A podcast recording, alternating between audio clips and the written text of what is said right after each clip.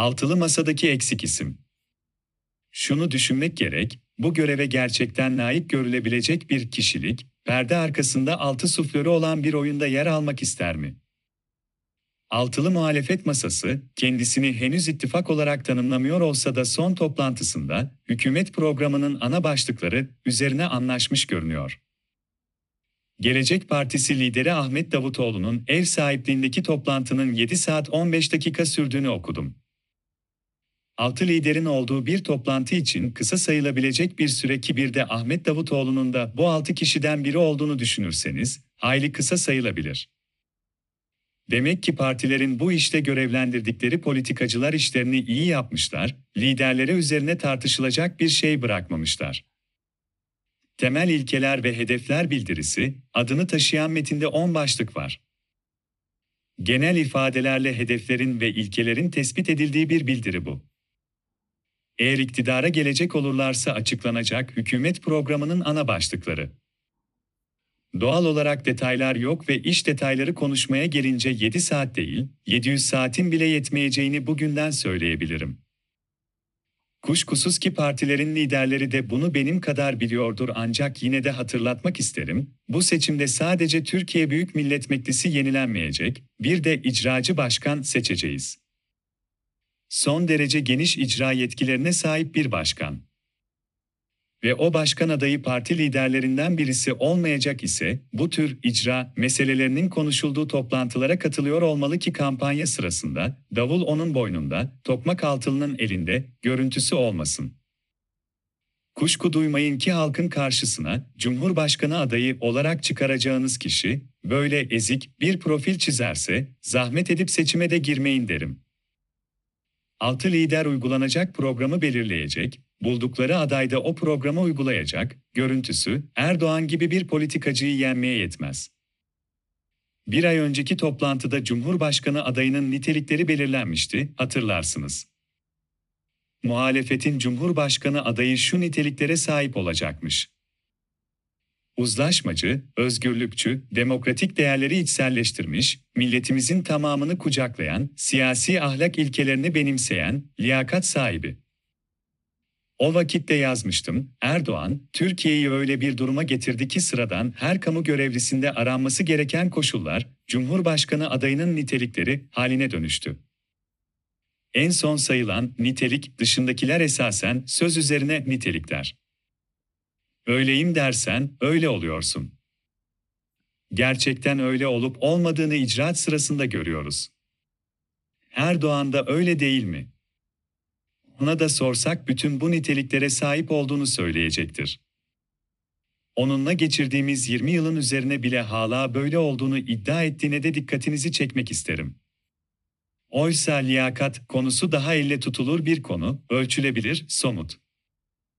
Nasıl bir eğitim aldı, iş hayatı nasıl geçti, aile hayatı nedir, mesleki ve siyasi geçmişinde başardıkları nelerdir, bugün Türkiye'yi yönetmeye layık görülmesine neden olan en temel özelliği nedir gibi yanıtları kolayca verilebilecek ve o yanıtların doğru olup olmadığı kısa sürede anlaşılacak, ölçülebilir vasıflar. Şunu düşünmek gerek, bu göreve gerçekten layık görülebilecek bir kişilik, perde arkasında altı suflörü olan bir oyunda yer almak ister mi? İnşallah yarın çok geç olmaz. Ankara Büyükşehir Belediye Başkanı Mansur Yavaş, Selahattin Demirtaş'ı da istiyoruz, diyen bir Vanlı vatandaşa, inşallah, dedi mi, demedi mi? Belediyenin halkla ilişkiler koordinatörünün açıklamasına göre demedi. Belediye yöneticileri bunu, dev bir troll organizasyonunun yaratmaya çalıştığı suni algı olarak niteliyor. Yavaş, yönetimsel şikayetlerini dile getiren vatandaşlara inşallah demiş. Tam Türkiye'ye uygun bir samsak döveci, ebegümeci tartışması. Yandaş kanalların beşi bir yerdeleri günlerce üzerinde tepinebilirler artık. Aslına bakarsanız, bizim memlekette idettendir, hapishanedeki birisinden söz ediliyorsa, Allah kurtarsın, inşallah çıkar filan gibi sade suya tirit sözler söylenir. Yavaş'ın, Demirtaş'ın hapisten çıkamamasından yana olduğunu sanmıyorum.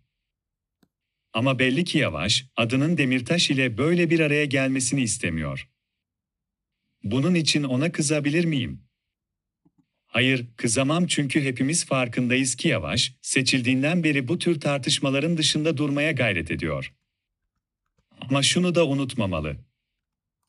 Bugün Demirtaş'ı siyasi nedenlerle hapiste tutan ve bilmem kaç kere ağırlaştırılmış müebbet hapis cezasına mahkum etmeye hazırlanan güç, yarın aynısını Yavaş için de yapabilir. Nitekim şu anda Yavaş için değil belki ama bazı CHP yöneticileri için bu süreç devam ediyor. Cezalandırılan, hapiste tutulan Demirtaş değil, bu ülkedeki herkesin siyaset yapma hakkı. Yavaş, en azından bu hakkın korunması için hassas olduğunu ifade edebilecek bir cümle kurabilirdi. Öylesi daha doğru bir politik tutum olurdu. Çünkü rejimin hedefi esasen muhalefeti sindirmek, bastırmak, Türkiye'de kendisinin izin verdiği alanın dışında siyaset yapılmasını engellemek. Nitekim RTÜK'un Kemal Kılıçdaroğlu açıklamalarını yayınladılar, Ahmet Şık'ın basın toplantısı haberini verdiler diye televizyon kanallarını cezalandırması da bunun bir parçası. RTÜK'un ancak bir faşist rejimde rastlanabilecek bu tutumu, rejimin asıl sahibi Erdoğan'dan kaynaklanıyor. O güç, Selahattin Demirtaş'ı da Osman Kavala'yı da operet yargılamalarına maruz kalan sivil haklar savunucularını da hapiste tutuyor. Bugün buna cesaretle sesinizi yükseltemiyorsanız yarın geç olabilir. Savunma Bakanlığı neyi savunuyor? Milli Savunma Bakanlığı, MSB sosyal medyada bir dizi mesaj yayımladı. İstanbul'un fethi kutlamaları sırasında Mehteran'ın davula fazla abanmasıyla biraz gaza gelmiş ateşli bir genç üslubu var. Günümüzde bin yıl öncesine özlem duyan yayılmacılar, bir kez daha Bizans hayali görmeye başlamışlar. Olabilir tabii, hala Osmanlı hayali kuranlar bile var, Bizans hayali kuranlar da olacaktır. Elbette böylelerinin yüzlerine karşı gülmemek gerekir, meczupluk gülünecek bir durum değildir. MSB'nin atar yaptığı konu, Ayasofya'nın kapılarının, sıvalarının filan şifadır denilerek yenilmesine Yunanistan'ın gösterdiği tepki. Onun için mesajlarında Yunanistan'daki camilerin yıkılarak yerine sinema ve sergi salonu, konaklama yeri, depo yapılmasına karşı çıkmaması da ikiyüzlülükte bile açıklanamayacak kadar vahim bir durumdur, demeyi de ihmal etmemiş. Yunanistan'ın yaptıkları doğal olarak Yunanistan'ı bağlar. Türkiye'de olup bitenlerin de Türkiye'yi bağlaması gibi. Yunanistan camileri yıktı, imaretleri kütüphane yaptı diye Ayasofya'nın kapılarının yenmesine, sıvalarının suyla karıştırılıp içilmesine hoşgörüyle mi bakmamız gerekiyor, anlayamadım. MSB'nin ateşli sosyal medyacısına hatırlatmak isterim ki Ayasofya'ya iyi bakmak, onu bir bütün halinde ve zarar görmeden gelecek nesillere devretmek görevi Türkiye'ye ait bir görevdir. Türkiye'deki tarihi eserlere sahip çıkalım, hırpalattırmayalım, görevimiz budur. Yunanistan'ın görevi de kendi kültürel mirasına sahip çıkmaktır. Çıkamıyorlarsa, bazı korkuları nedeniyle çıkmak istemiyorlarsa da bu onların ayıbıdır. Burada görev alanlarının karıştırılması ile ilgili bir sorun da var. Ayasofya, Diyanete bağlı bir cami. Müze bahsinde Kültür Bakanlığı sorumlu. Açıklanması gereken bir husus olursa, bu kurumlar açıklamalı, askerler değil. Milli Savunma Bakanlığı'na ne oluyor? Sivilleşe sivilleşe varabildiğimiz yer burası mıymış?